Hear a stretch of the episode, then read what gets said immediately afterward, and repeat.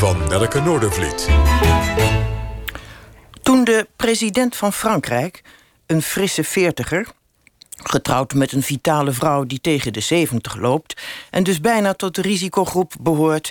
toen hij dus voorstelde de boel langzamerhand open te gooien... maar de ouderen nog achter slot en grendel te houden... voor hun eigen bestwil uiteraard... stak er een stormpje van protest op. De bevoogdende toon van de boodschap viel in slechte aarde... bij mondige 70-plussers. Een socioloog noemde het generationele apartheid.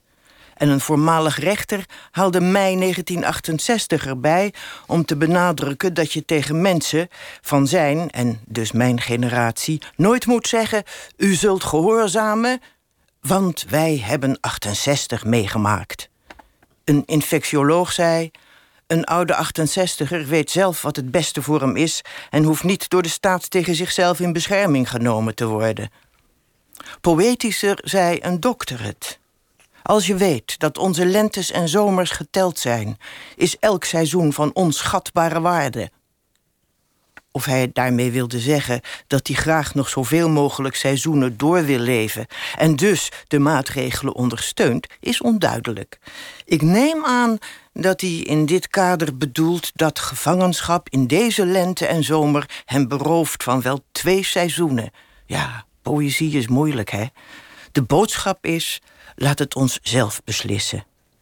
Ik heb nog even gecheckt of Daniel Cohn-Bendit zich over deze kwestie heeft uitgesproken, maar omdat hij een fan is van Macron, is hij dit onderwerp uit de weg gegaan. Ik ben het met de heren eens dat ze gevrijwaard willen blijven van bevoogdende bezorgdheid. Er klinkt een rare toon mee als over kwetsbare 70-plussers wordt gesproken alsof ze al geen mensen meer zijn, maar een zeldzame met uitsterven bedreigde diersoort. Nee, kind, je mag opa niet aaien, want dan gaat hij dood en dat willen we toch niet. De Franse eminence grise hebben een punt. Maar om nou mei 1968 erbij te halen, dat klinkt toch wel erg, hoe zal ik het zeggen, boomerachtig. Er is geen betere manier om mensen monddood en onbekwaam te maken dan beslissingen voor ze te nemen en ze tot een hulpbehoevende categorie te bestempelen. Overgoten met het sausje van zelffelicitatie. Kijk eens hoe goed we voor jullie zijn. Iedereen die een groter risico loopt dan een ander besmet raken met een vervelend virus, heeft recht op bescherming, maar niet op bevoogding, niet op zieligheid.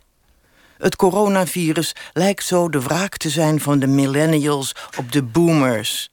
Time to go, oudjes. Maar voor het zover is, zetten we jullie nog veilig even achter glas, zodat we jullie niet horen.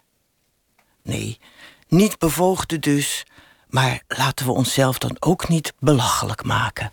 Ja, Nelke, en, uh, je bent er weer. Je zit tegenover ons. Want we hebben een paar maanden, nou, nou, nou niet overdrijven... maar in ieder geval één of twee keer moeten missen. Ja, heerlijk uh, Op afstand, want wij waren ook al een beetje bezig... met generationele apartheid per ongeluk, zal ik maar zeggen. Er zat geen masterplan achter bij ons, hoor, voor alle duidelijkheid. Maar fijn dat je er weer bent. Ja, ik vond het ook heerlijk. Ja, ja. En, en we gaan je straks trouwens ook nog horen... als het over Hilary Mantel gaat. Ja, Want jij bent een kenner van het werk. Hè? Maar ja. kleine stukjes. Ja. Maar we moeten, iedereen moet er naar blijven luisteren. Ja, het is een fantastische documentaire. Echt waar. Prachtig interview.